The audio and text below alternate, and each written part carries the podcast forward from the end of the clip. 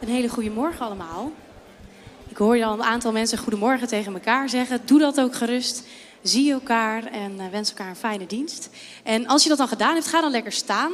Want we willen gaan zingen met elkaar. Een nieuw lied, Laat de volken zingen. En hij is niet heel moeilijk. We herhalen veel refreintjes, dus dat komt echt goed. Dus ga staan en doe lekker met ons mee.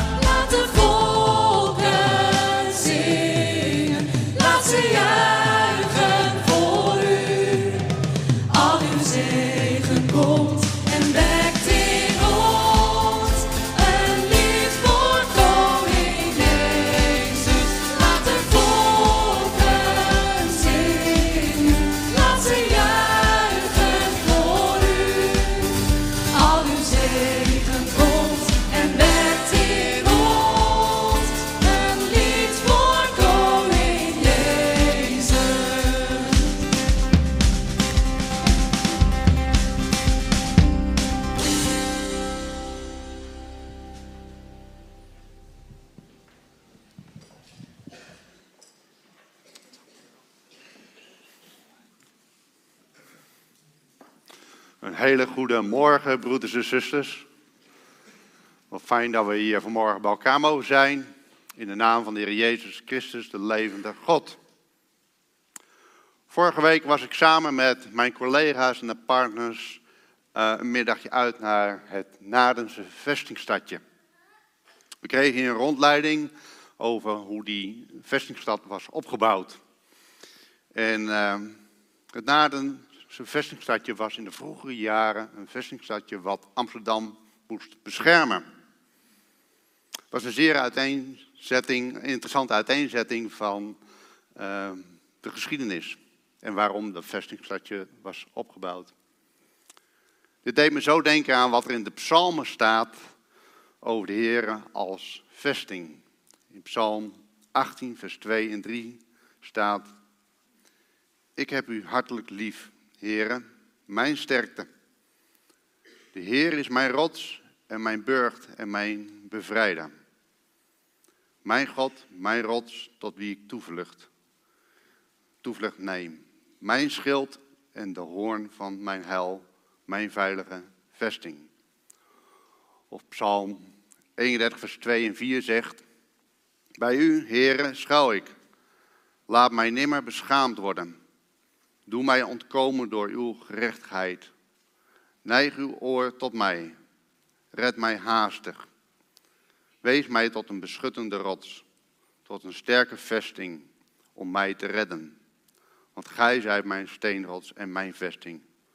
En om uw naams wil zult gij mij voeren en leiden.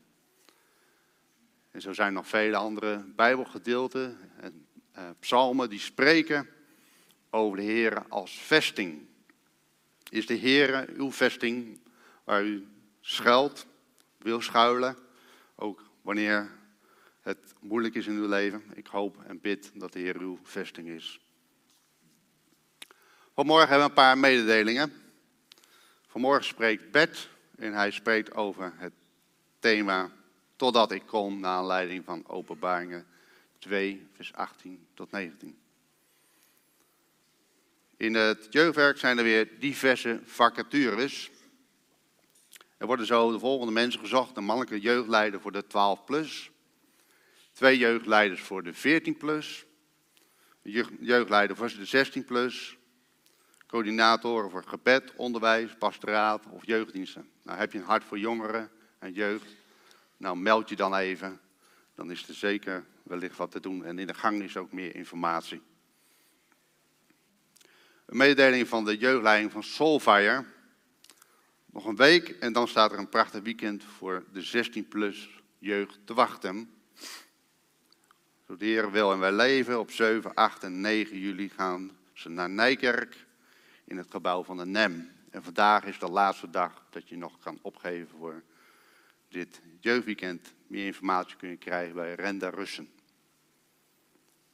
Vanavond is er een zang- en gebedsuur hier in de fontein van 7 tot 8. Joet Verkruis en Zuidzoekt organiseren weer een sportweek in de Sterrenbuurt en de Zuidert van 23 tot 28 juli. En daar zoeken ze nog jongeren, 16 plus, voor om mee te helpen. Nou, je hoeft niet sportief te zijn, maar je kunt ook uh, meehelpen in drama of andere dingen, knutselen. Heb je interesse, meld je dan bij Teersa Bolks. De kinderen van groep 5, 6 en 7 mogen de, direct uh, naar de kinderdienst, maar de kinderen van groep 8 blijven in de dienst van morgen. De bloemen zijn vanmorgen voor Simon de Klerk. Hij is vandaag 65 jaar geworden. Dat is een felicitatie waard. En de tweede bos gaat naar Christa Engelhard. Zij hoopt morgen 50 te worden. Beide van harte gefeliciteerd. Wie wil de bloemen naar Simon de Klerk brengen? Ik zie Simon namelijk niet, maar... Ja, bedankt. En Christa Engelhard, is er iemand die dat meeneemt? Ja, dankjewel. Dan wil ik uh, samen met u bidden.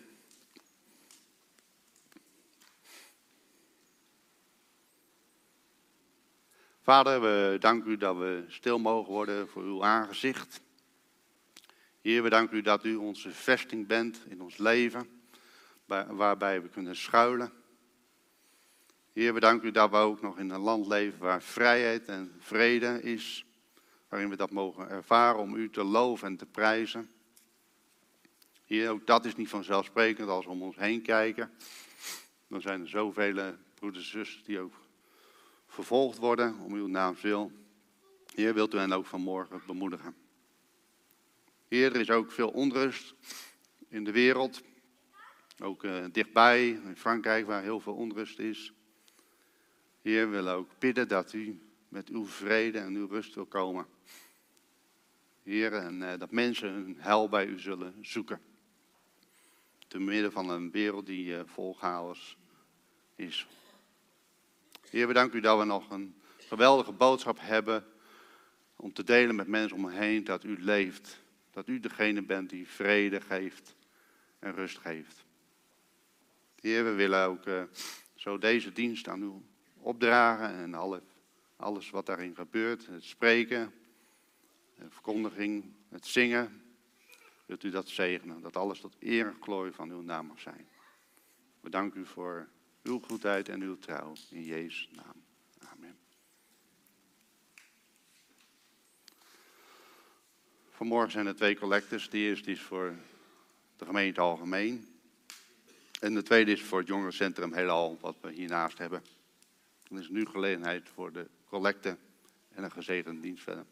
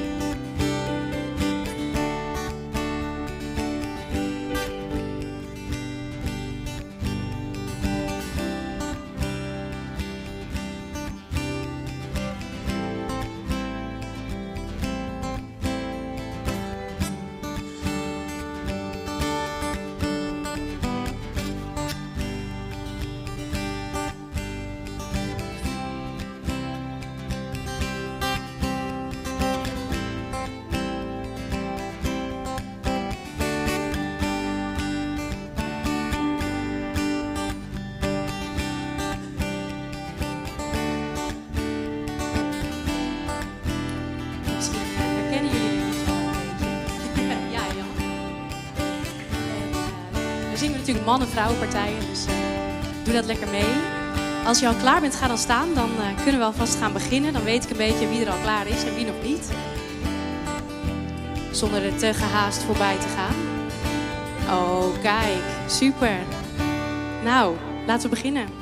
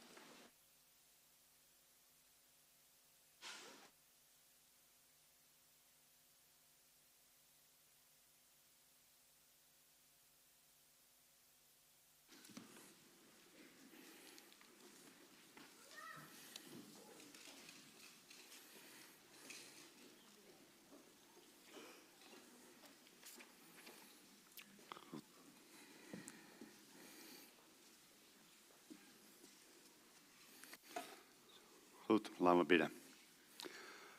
Vader, we danken u dat we vanmorgen uw woord mogen openen. We danken u dat Bert eh, het overdacht heeft. Dat u hem ook leiden door uw geest. Dat hij mag spreken, de woorden die u hem geen ingeeft. Geef ons luisterende harten, open harten en oren om uw woord te ontvangen. Dus dat bidden in Jezus' naam. Amen. Amen. Dankjewel. Totdat ik kom. Dat gaan we lezen in een brief aan de gemeente in Thyatira. Brieven die je ook kunt lezen zo van als een, als een spiegel als het ware van hey, hoe bereiden wij ons voor, individueel maar ook als gemeente van Jezus Christus, hoe bereiden we ons voor op zijn naderende komst. En ik lees jullie Openbaring 2 vanaf vers 18, de brief aan Thyatira. En schrijf aan de engel van de gemeente in Thyatira. Dit zegt de Zoon van God, die ogen heeft als een vuurvlam en voeten als blinkend koper. Ik ken uw werken, de liefde, het dienstbetoon, het geloof, uw volharding en uw werken, en ook dat de laatste werken meer zijn dan de eerste. Maar ik heb enkele dingen tegen u, dat u de vrouw Izebel, die van zichzelf zegt dat zij een profetes is, ongemoeid haar gang laat gaan om te onderwijzen en mijn dienstknechten te misleiden, zodat ze hoererij bedrijven en afgodenoffers eten. En ik heb haar tijd gegeven, opdat zij zich van haar hoererij zou bekeren. Maar ze heeft zich niet bekeerd. Zie, ik werp haar te bed en breng hen die overspel met haar plegen in grote verdrukking, als zij zich niet bekeren van hun werken. En haar kinderen zal ik door de dood ombrengen. En alle gemeenten zullen weten dat ik het ben die nieren en harten doorzoekt. En ik zal een geven, u geven, een ieder naar uw werken. Maar ik zeg tegen u en tegen de overigen in Thyatira, voor zover zij deze leer niet hebben en zij, zoals zij dat noemen, de diepten van de Satan niet hebben leren kennen, ik zal u geen andere last opleggen dan deze. Houd vast aan wat u hebt, totdat ik kom. En wie overwint en wie mijn werken tot het einde toe in acht neemt, hem zal ik macht geven over de heidevolken. En hij zal hen hoeden met een ijzeren staf. Ze zullen als kruiken van een pottenbakker verbrijzeld worden. Zoals ook ik die macht van mijn vader heb ontvangen. En ik zal hem de morgenster geven. Wie oren heeft, laat hij horen wat de geest tegen de gemeenten zegt. En toen was het heel stil. Best wel een heftige brief. De vierde van de zeven brieven in Openbaring 2 en 3. De langste brief.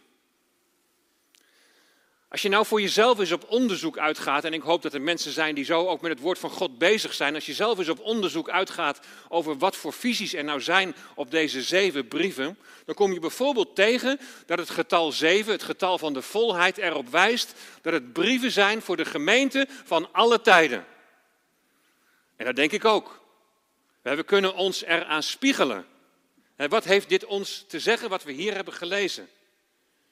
Blijft wel staan dat er heel veel nadruk ligt op de werken en nauwelijks op de genade. Er zijn Bijbeluitleggers die het ook brieven vinden voor de gemeente van alle tijden. Zoals bijvoorbeeld eh, Willem Ouweneel, maar die de zeven brieven ook betrekken op de kerkgeschiedenis. En de periode van de Pinksterdag tot aan de wederkomst van de Heer Jezus Christus. Maar dat valt voor mij eigenlijk een beetje onder de categorie, nou ja, het zou kunnen. Het, het woord zelf bevestigt dit namelijk niet, maar, maar je kunt inderdaad wel in die gemeenten overeenkomsten zo zien in de tijd. Mooi om die vergelijking eens te maken. Hier zie je de volgorde van de brieven waarvan we de eerste drie al hebben behandeld. Efeze zou dan de vroege kerk zijn, 32 tot 100 na Christus. Het begon zo goed, maar ze hebben al gauw de eerste liefde verlaten. Smyrna is dan de vervolgde kerk. van 100 tot 312 na Christus. Er is vervolging van de Romeinen, maar er is ook vervolging vanuit de Joden. En zij zien die christenen als een, als een verdwaalde Joodse secte die in Galilea aanhangen, die ter dood is gebracht voor godsklastering. We hebben dat laatst gezien in die gemeente in Smyrna. En dan volgt de beëindiging van de vervolging in 312 na Christus. Nou, waarom specifiek dat jaartal? Keizer Constantijn is dan aan de macht. Na een gewonnen burgeroorlog trok Constantijn op 29 oktober 312 als overwinnaar Rome binnen. En als dank vaardigde hij in 313 het edict van Milaan uit, een soort van handvest, een, een verklaring. Ook wel het tolerantie-edict genoemd. De christenen in het Romeinse Rijk werd vrijheid van godsdienst gegeven en het is de tijd van Pergamus. Zoals dan wordt gezegd, de tijd van de vermenging met de wereld. De christenvervolgingen kwamen hiermee ten einde, maar het nieuws voor de Joden was slecht, want het sloeg eigenlijk om. Zij kregen het nu te verduren. En dan komen we nu bij Thyatira. En daar zie je de afvallige kerk staan. Van 606 tot 1520 na Christus. Dat is de periode van de middeleeuwen tot de reformatie. Dat is de periode van de katholieke kerk. Ja, de andere kerk was er ook niet. En de kerk die krijgt in de middeleeuwen steeds meer macht. Het instituut kerk ging heersen over de mensen en over hun geweten. Er was sprake van machtsmisbruik, van manipulatie, seksuele onreinheid. Al die kenmerken die weer, die weer terugkomen in die gemeente in Thyatira. De paus die werd gezien als plaatsbekleder van Christus. In plaats van Christus is de paus het hoofd van de kerk. En die paus die krijgt ook steeds meer, meer macht. Hij wordt steeds gelijkwaardiger aan de keizer. Vanaf de 12e eeuw gaat de macht van de paus de macht van de keizer zelfs overvleugelen. De paus die werd vorst in Europa. En alle vorsten die moesten zich aan hem onderwerpen. De kerk gaat over de wereld heersen. Gaat de brief van Thyatira over die periode? Het zou kunnen. Ik zal, ik zal straks wat, wat overeenkomsten aantippen. Als je die brief nou leest vanuit Joods perspectief, en waar ik vanaf het begin af op heb gewezen, dan kun je de brieven ook lezen als een stuk geschiedenis van het volk Israël. We zien in die brieven regelmatig dat er wordt verwezen naar de geschiedenis.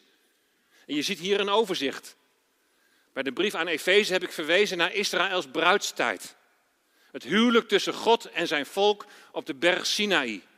Toen er nog sprake was van de eerste liefde, maar het was gauw gedaan. Denk aan het gouden kalf. Ze begonnen te murmureren in de woestijn. En als je dan kijkt naar Thyatira, dan zie je dat de tijd van één en twee koningen staan. En de koningen van Israël, het Noordrijk, het Tienstammenrijk, die koningen waren allemaal afgodendienaars. En een van die koningen is Agab. Agab trouwt met Izebel, die we net hebben gelezen in vers 20. En gaat de Baal dienen. Hier zien we de overeenkomst met de brief aan Thyatira. Izebel die de dienstknechten, en weet je nog van de eerste keer dat die term dienstknechten heel vaak wordt gebruikt voor het volk Israël. Izebel die Gods dienstknechten aanspoort tot hoererij en afgodenoffers. Natuurlijk hebben de brieven ook een betekenis voor de gemeenten in die tijd dat Johannes deze openbaring kreeg. De brieven, de brieven verwijzen naar Israëls geschiedenis, maar ze verwijzen ook naar de toekomst. Ze verwijzen ook naar die dag des Heren waar we het over gehad hebben. Die periode van grote verdrukking die nog gaat aanbreken vlak voordat de Heer Jezus terug zal komen. Izebel staat immers voor de moeder van alle hoererijen. En dat is Babylon. En daarover lees je verderop in het boek Openbaring in Openbaring 17. Zomaar even een inleiding om een beetje een idee te krijgen van wat er allemaal leeft bij deze brieven. En ook dan, tijdens die dag des Heren, tijdens die verdrukking die nog aan gaat breken, zullen er gelovigen zijn hier op aarde. Want volgens Openbaring 7 worden 144.000 Joden, 12.000 uit iedere stam worden verzegeld. En daarna komt er nog een grote schare uit alle volken, talen en natieën tot geloof. Zij die uit de grote verdrukking komen, staat daar. En dan zal de brief van Thyatira ook voor hen een stuk herkenning wellicht geven of een stuk waarschuwing. En met het naderende vrederijk op komst, het duizendjaren vrederijk, ligt dan veel sterker de nadruk op, op de werken. En, en het volharden tot het einde in die moeilijke periode die zal aanbreken. En dat het ook op die tijd van het einde betrekking heeft, blijkt wel uit vers 25 en 26. Daar staat, houd vast aan wat u hebt, totdat ik kom. En wie overwint en wie mijn werken tot het einde toe in acht neemt, hem zal ik macht geven over de heidevolken. Totdat ik kom, wijst uiteraard op de wederkomst van de Heer Jezus. Wijst uiteraard op zijn parousia, dat hij zijn koningschap hier op aarde zal vestigen. En de nadruk ligt op overwinnen, op de werken. En aan wie geeft hij de macht over de heidevolken, die als kruiken van een pottenbakker verbrijzeld zullen worden. En daarvoor moet je weer naar het eind van het boek Openbaring. Openbaring 20 vanaf vers 4. En ik zag tronen en ze gingen daarop zitten en het oordeel werd hun gegeven. En dan, en ik zag de zielen van hen die onthoofd waren om het getuigenis van Jezus en om het woord van God. En die het beest en zijn beeld niet hadden aanbeden en die het merkteken niet ontvangen hadden op hun voorhoofd en op hun hand. En zij leefden en gingen als koningen regeren met Christus duizend jaren lang.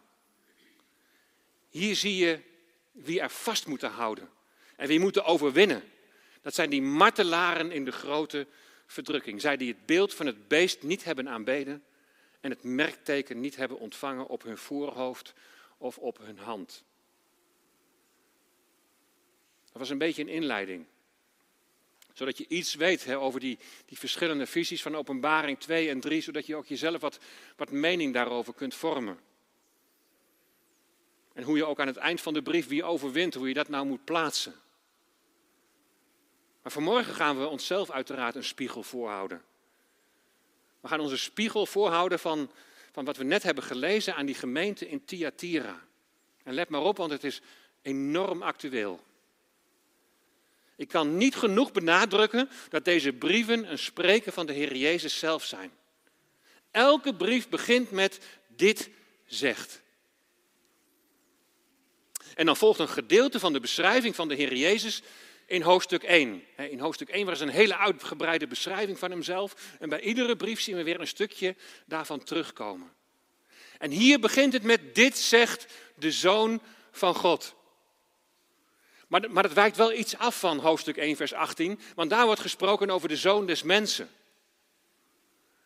Als gesproken wordt over de zoon des mensen, dan gaat het over zijn vernedering. Hij verliet de hemelse heerlijkheid om onder ons te zijn en als mens aan ons gelijk te worden. Als mens heeft hij geleden, als mens is hij bespot, als mens is hij vernederd, hij is gegezeld, gekruisigd. De zoon des mensen. Maar hier wordt de Heer Jezus voorgesteld als de zoon van God. En zoon van God, dat duidt op zijn verhoging. De Heer Jezus is opgestaan, hij is opgevaren naar de hemel en hij troont aan de rechterhand van God. De Heer Jezus is de opgestane Heer. Hij heeft gezag. Hij heeft autoriteit. Christus is het ware hoofd van de kerk. Het ware hoofd van zijn lichaam, niet de paus. Wiens wereldlijke macht ook nog eens toenam gedurende de middeleeuwen. Jezus is de zoon van God. Hij is het toonbeeld van macht en gezag. Niet de koningen in Israël die de afgoden gingen dienen. Niet de antichrist die straks zal gaan heersen, maar het onderspit zal delven. Jezus is de zoon van God die ogen heeft als een vuurvlam. Het was voor die gemeente in Thyatira toen geen onbekende uitdrukking. Want Thyatira was een centrum voor de productie van het zogenaamde alziende oog.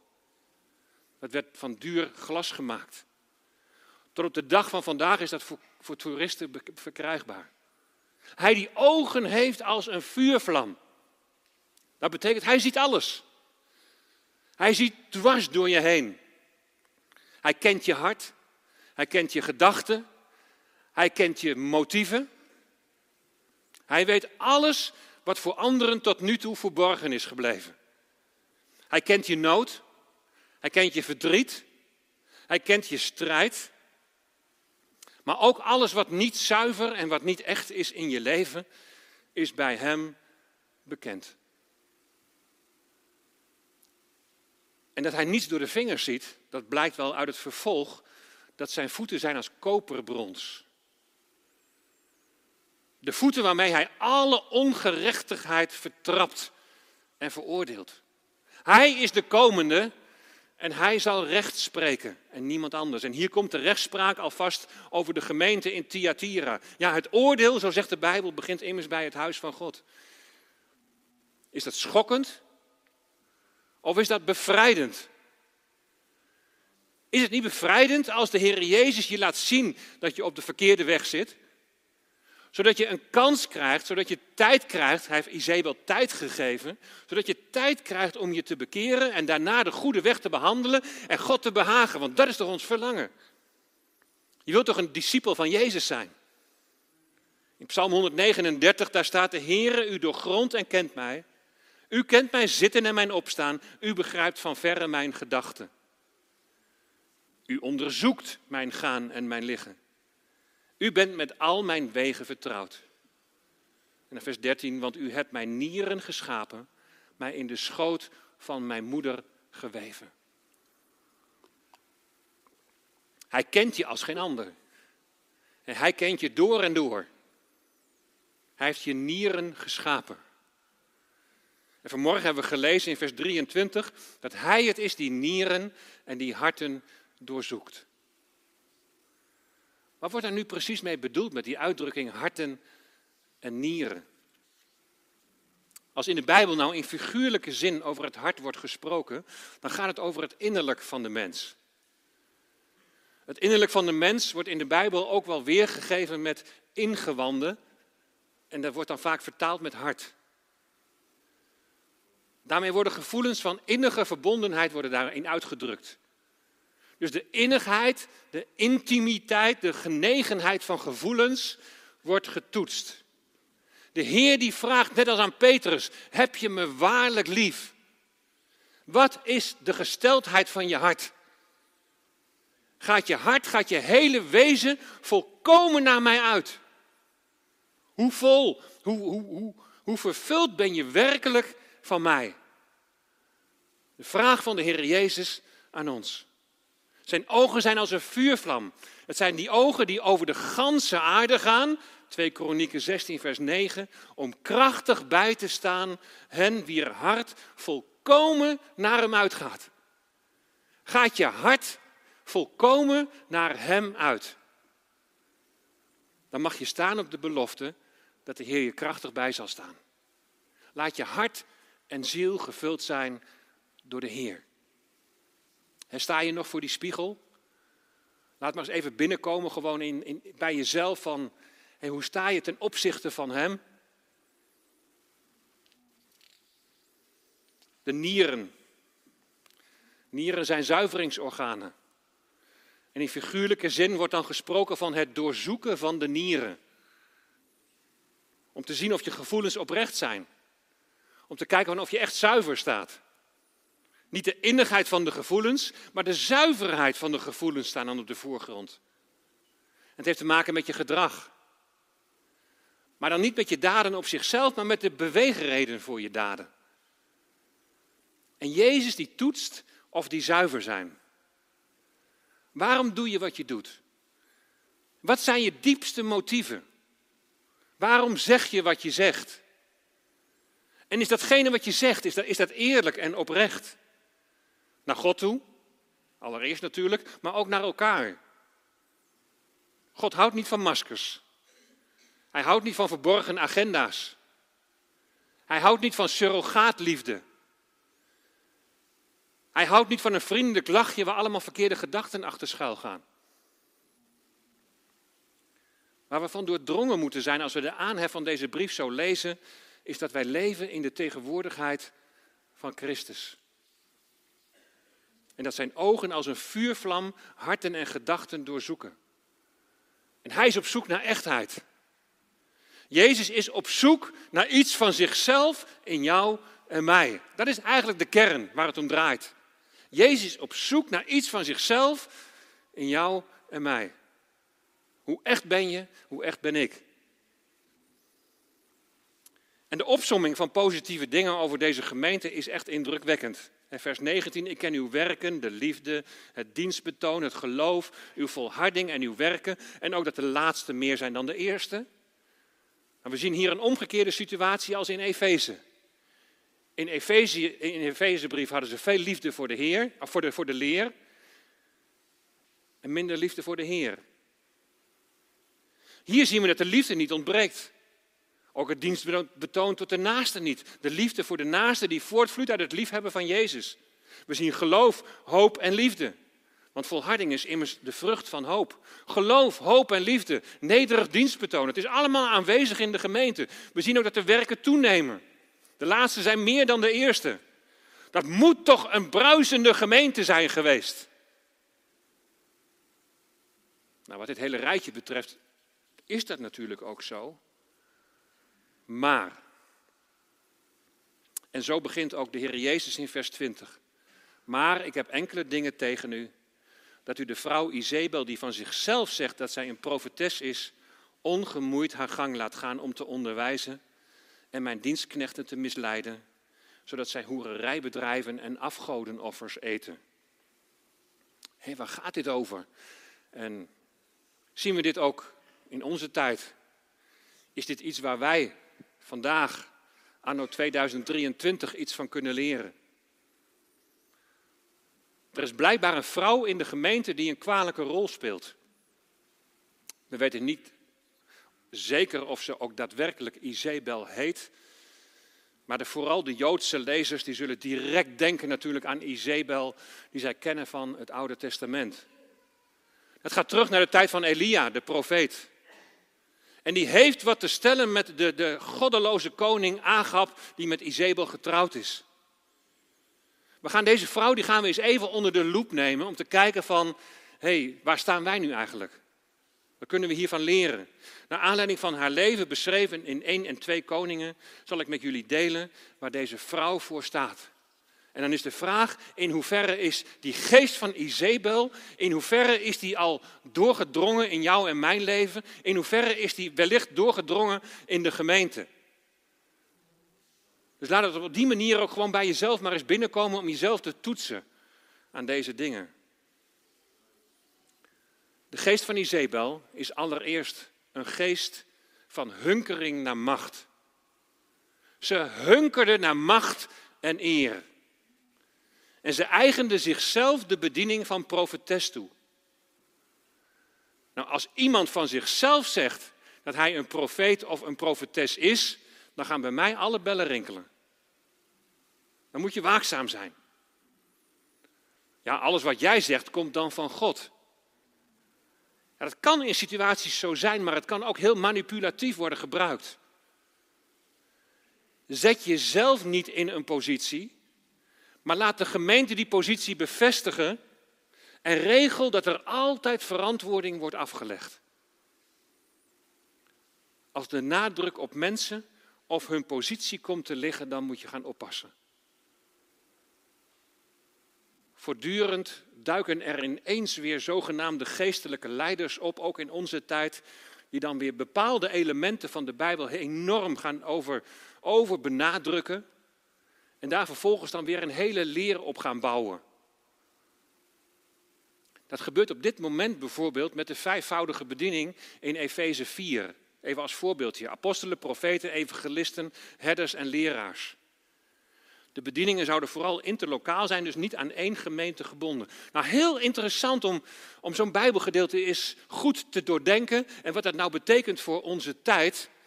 Maar wat ik nu waarneem is dat het in één keer wemelt van rondreizende predikers die zich apostelen en profeten noemen.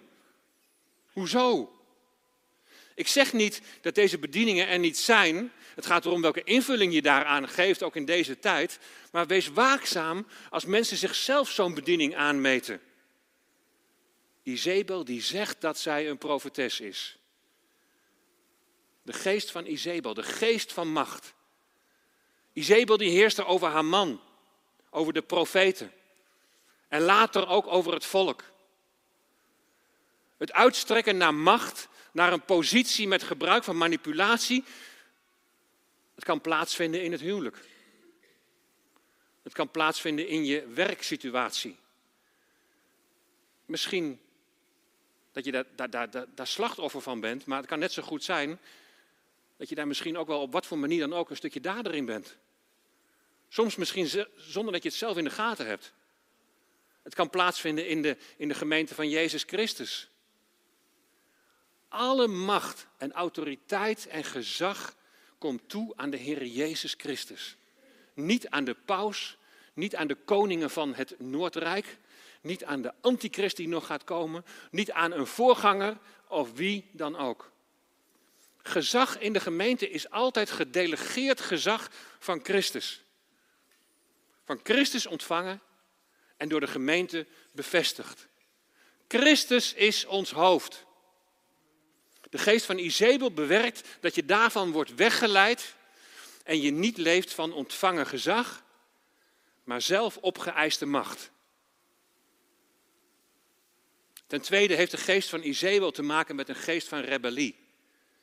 Ze strekt zich uit naar macht en ze duldt geen gezag en autoriteit boven haar. Maar we beleven in onze dagen een enorme gezagscrisis. De geest van macht betekent dat iemand de macht opeist. Gezag is, wat ik ook al eerder zei, is iets dat je ontvangt. Er kan sprake zijn van een gezagscrisis binnen je gezin. Ouders hebben van God gezag gekregen over hun kinderen. Maar daar kunnen kinderen zich enorm tegen gaan verzetten op een gegeven moment. En ik vraag me soms wel eens af in situaties, wie heeft het hier eigenlijk voor het zeggen in huis? Dan is wel de vraag natuurlijk hoe dat gezag wordt uitgevoerd. Want het lijntje tussen gezag en macht is flinterdun. Daar moet je ook weer mee oppassen. Rebellie, in opstand komen tegen gezag, dat is de geest van Izebel. Er is sprake van een gezagscrisis in de politiek. En je mag je verbazen over het slechte voorbeeld dat ze zelf vaak geven. Je mag het oneens met ze zijn. Je mag daar commentaar op geven. Maar het gezag met slecht gedrag ondermijnen is rebellie. Daarom zegt Paulus tegen Timotheus: bid voor de overheid. Wat gezag in de gemeente van Jezus Christus betreft, geldt precies hetzelfde. In hoeverre gaan we mee in de tendensen van deze wereld? En wie laat zich tegenwoordig nog iets gezeggen? Jij hebt niets te maken met hoe ik leef. Jij hebt niets te maken met de beslissingen die ik neem. Kunnen jullie dat zomaar even beslissen? Je doet je best maar, ik ga mijn eigen weg. Jullie hebben niets over mij te zeggen. Rebellie, het is de geest van Izebel. En ten derde is de geest van een een geest van strijd. Ze bevond zich voortdurend in een atmosfeer van ruzie, van strijd en van afgunst. Steeds maar weer de confrontatie zoeken. En ze stookte haar man op tegen Elia. Verdeeldheid en twist. En ze had geen rust in haar hart. Het werd een patroon in haar leven. Ken je dat? Ruzies. Ja, het kan, het kan natuurlijk allemaal, het kan eens een keertje voorkomen. Maar pas op als het een patroon gaat worden in je leven. Ruzies in je gezin, in je huwelijk, op je werk. Steeds maar weer oneenigheid in gemeenten. Het is de geest van Izebel. Ten vierde is de geest van Izebel een geest van toverij. De afgoden die zij aanbidt zijn dan wel dood. Maar achter deze afgoden, achter het verafgoden, gaan satanische machten schuil.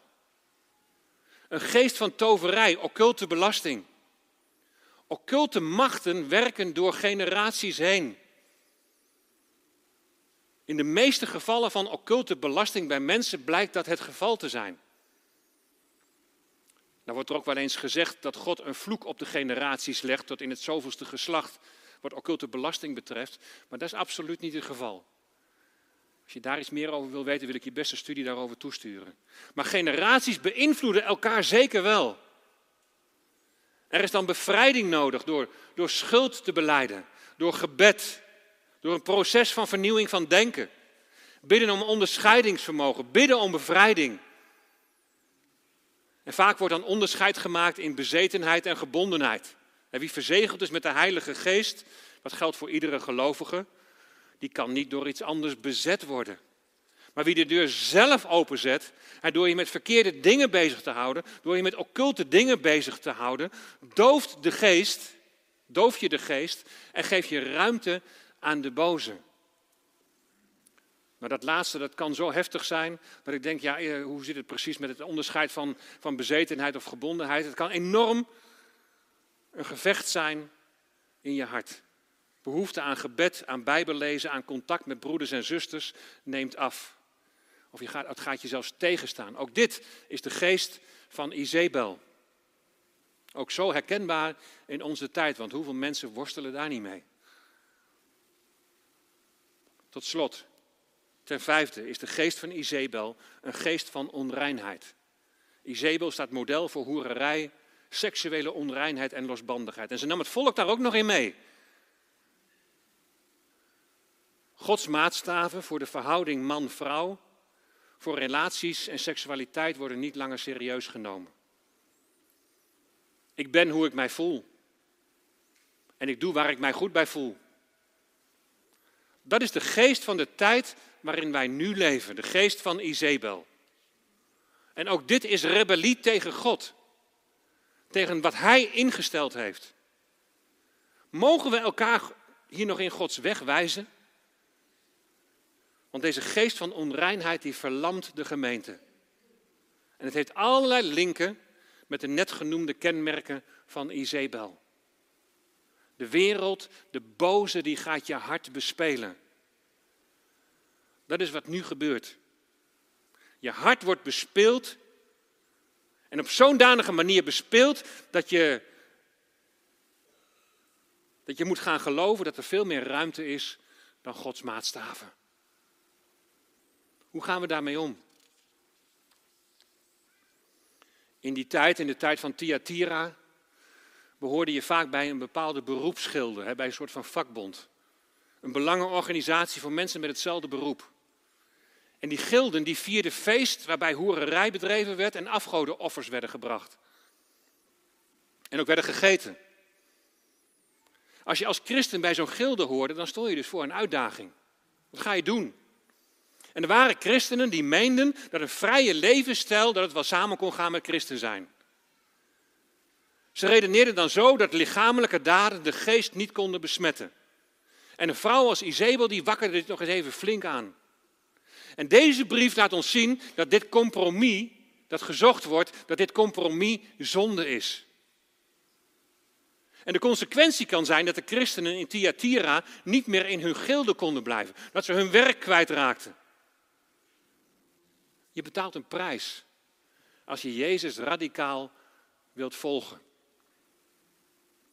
Maar als je na hiervoor gewaarschuwd te zijn en je de tijd gegeven is om je te bekeren, dat is de genade van God. Maar als je daarin blijft volharden, dan is de prijs vele malen hoger. Ik geloof niet dat wij de oprichting van dat beeld zullen meemaken, waarover je leest in het vervolg van het boek Openbaring. Maar in hoeverre buig je voor de geest van deze tijd, die alle kenmerken heeft van de geest van Izebel?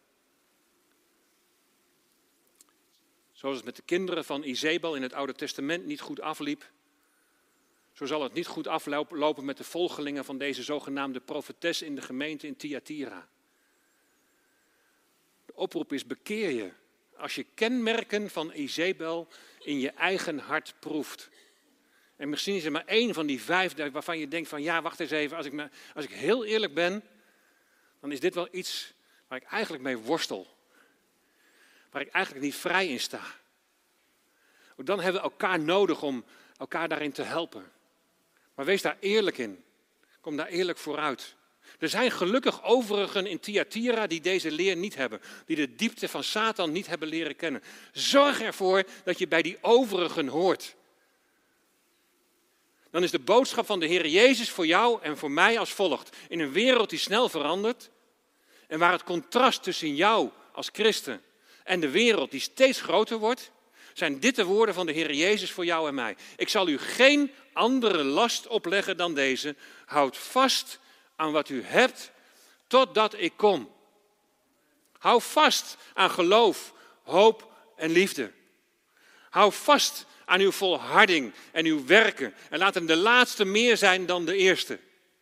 Houd vast aan wat je hebt totdat ik kom. Hoe bereiden we ons voor op de komst van de Heer Jezus Christus?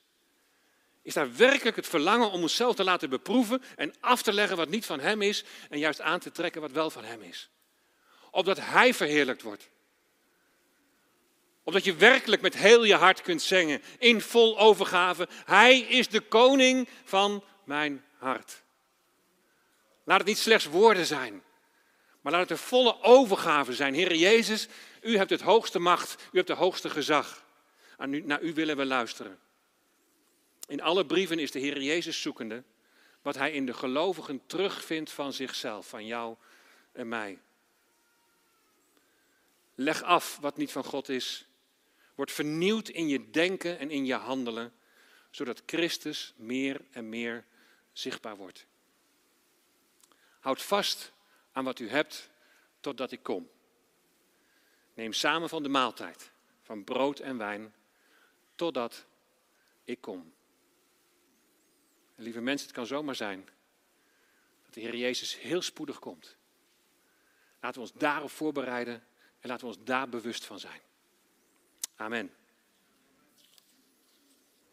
We gaan een lied zingen ter voorbereiding op het avondmaal, denk ik. Ja.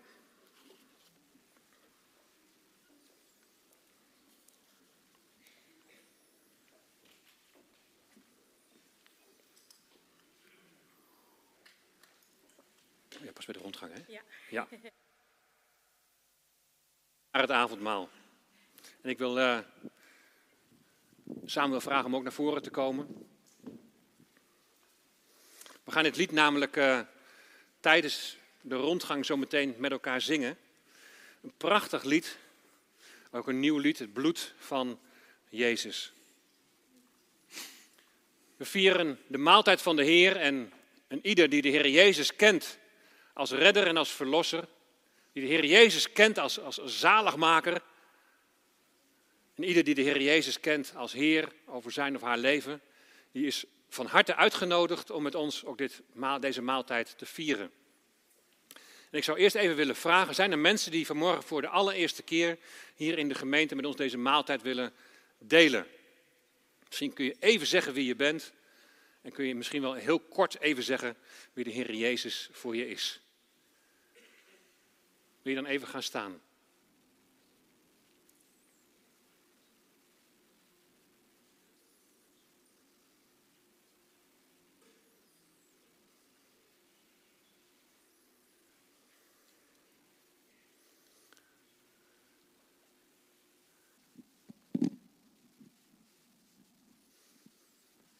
Dan ga ik 1 Korinthe 11.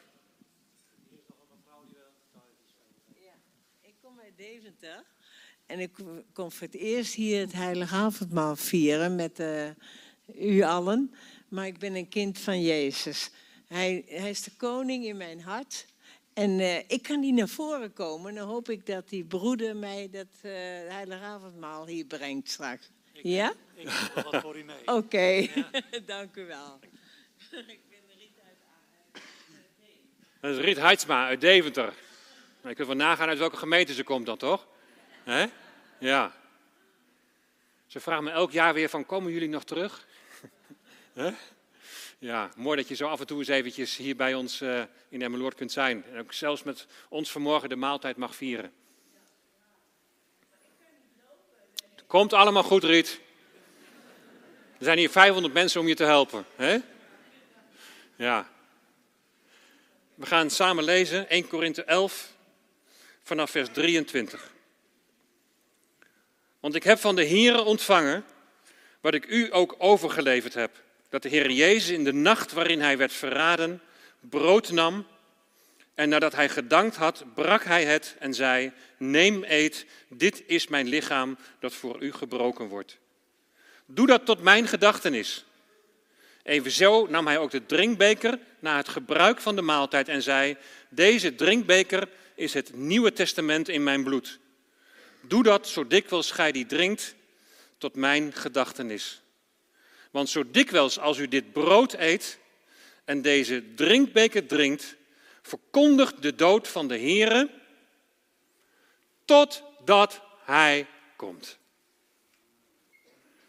Een maaltijd met elkaar in voorbereiding op de komst van de Heer Jezus, waarin we beleiden dat Hij zijn leven voor ons heeft gegeven om ons te redden, om ons te verlossen, om onze zonde te vergeven. Dat Hij zijn leven heeft gegeven om ons tot een nieuwe schepping te maken, opdat we ook straks gereed zullen zijn om Hem te ontmoeten. Dat we gereed zullen zijn om Hem te ontmoeten. Als die bazuin zal klinken en de aartsengel zal roepen.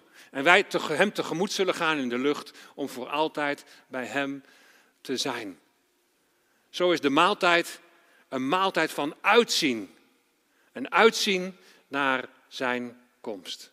In dank dat Hij ons daarvoor gereed gemaakt heeft in Zijn Zoon. Ik wil jullie vragen om eh, inderdaad naar voren te komen. De meeste van jullie weten hoe het werkt. Eerste rij, via de buitenkant, daar via de buitenkant.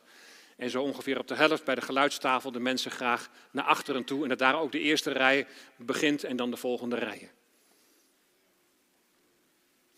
En wilt u dan wachten met het nemen van het brood en ook het wachten met het nemen van de wijn tot wat we allemaal hebben, zodat we het gezamenlijk kunnen nemen.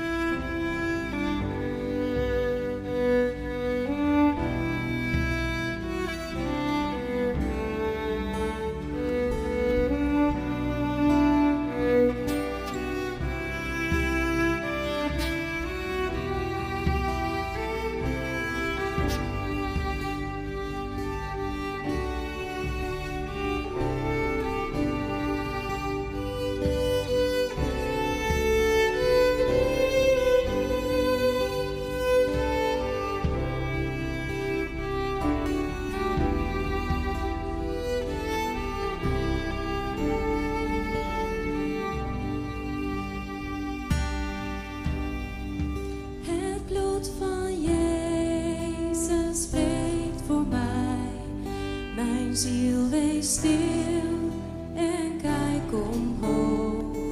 Want uit het stof van Golgotha, daar stijgt een roep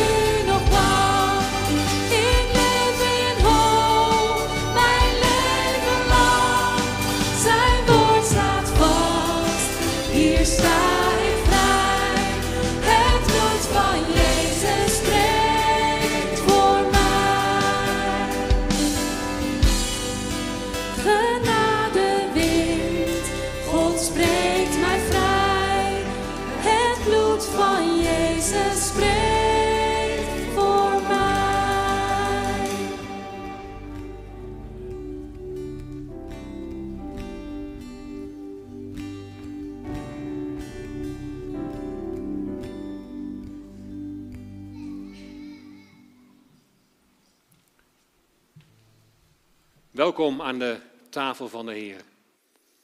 Een tafel van genade. Genade kocht ons vrij. En we hebben net ja, heel wat naar ons toegekomen. We hebben voor de spiegel gestaan. Misschien zijn er wat dingen in je gedachten gekomen. Ik wil echt een moment nu nemen van stilte. We gewoon even heel stil mogen komen voor Gods troon van genade en liefde. Maar dat we ook misschien zijn er dingen die je tegen Hem wilt zeggen, die je aan Hem wilt beleiden, die je graag aan Hem kwijt wilt. Voordat je zo meteen ook neemt van brood en van wijn. Zullen we een moment stil zijn?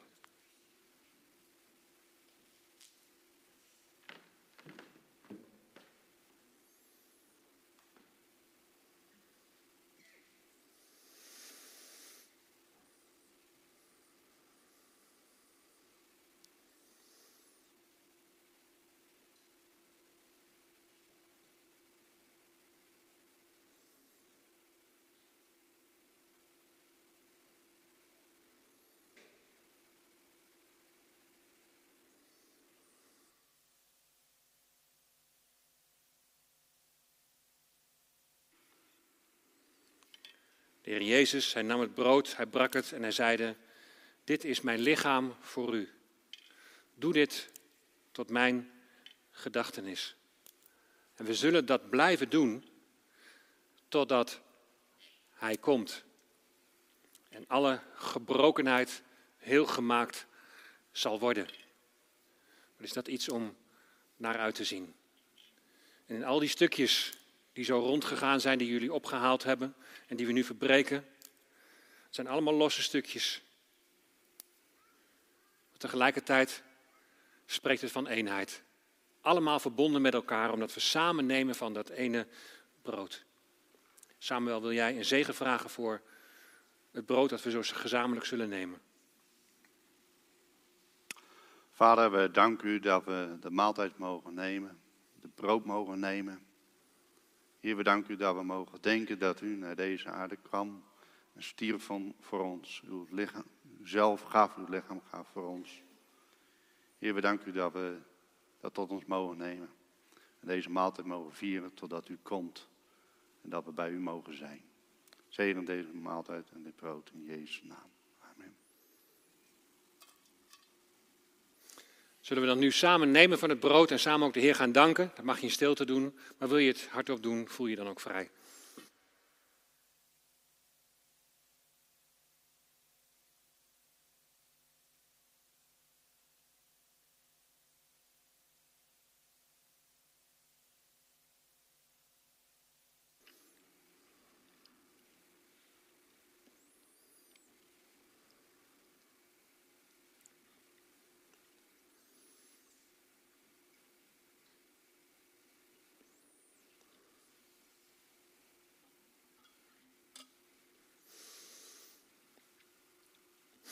Heer Jezus nam de beker en hij zei, deze beker is het nieuwe verbond in mijn bloed. Drinkt allen daaruit. Totdat. Totdat ik kom. Het bloed, teken van redding, teken van verlossing. Maar het bloed ook teken van, van leven, van nieuw leven in Hem ontvangen. Lieve mensen, wat zijn we rijk. En laten we samen nemen van de beker en God prijzen om die rijkdom die Hij ons gegeven heeft in Zijn Zoon.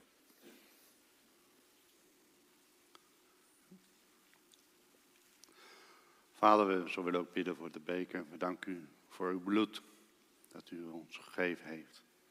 Dank u voor dat leven wat u ons gegeven heeft. In Jezus' naam. Amen. Amen.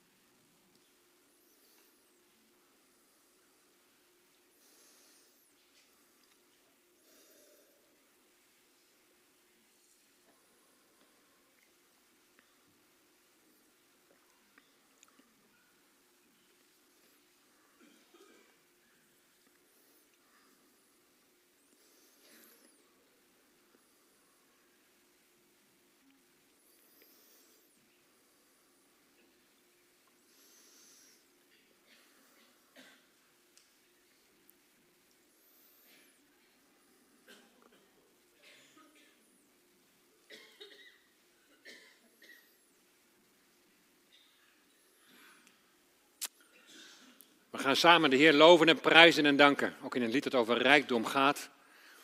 Maar daarin bezingen we dat de Heer Jezus meer is dan aardse rijkdom. Het is de Heer Jezus die ons heeft gered. Zullen we daarbij gaan staan?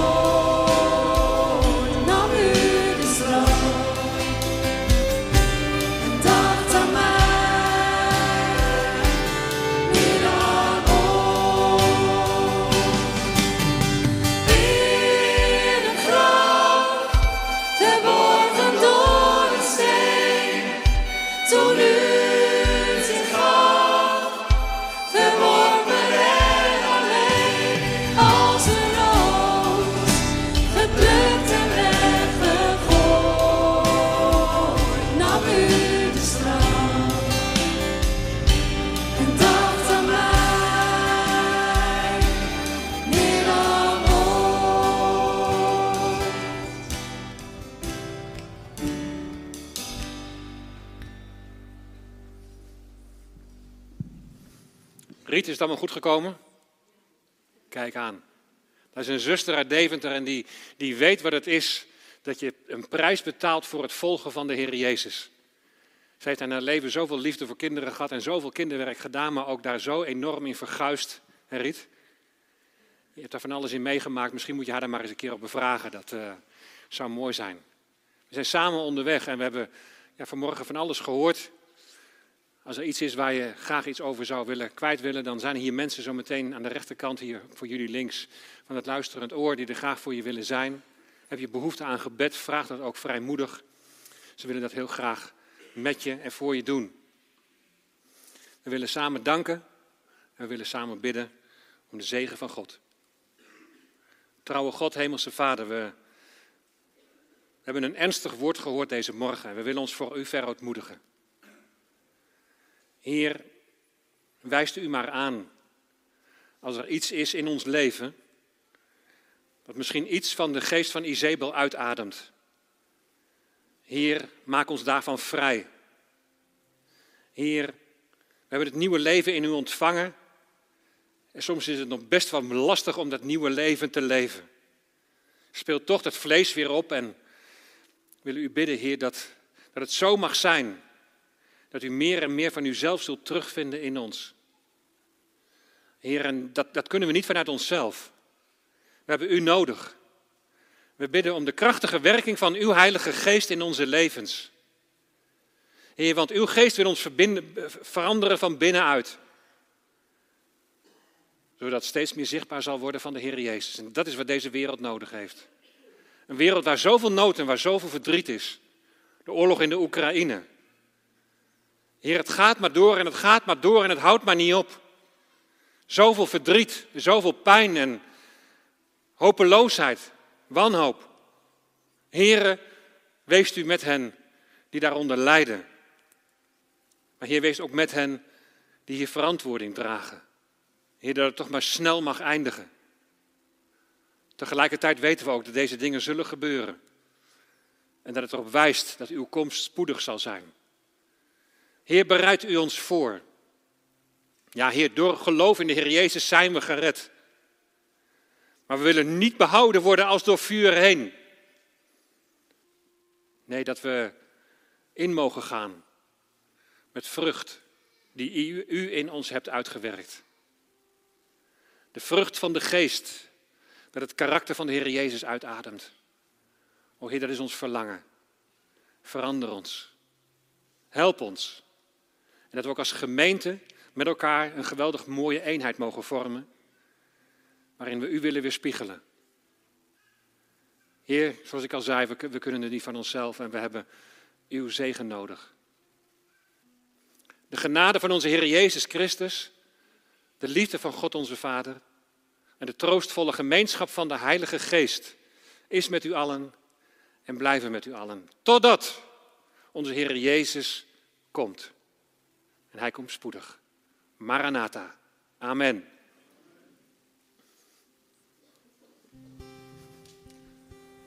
Ja, dat we in de kracht van zijn genade mogen gaan. Daar gaan we over zingen.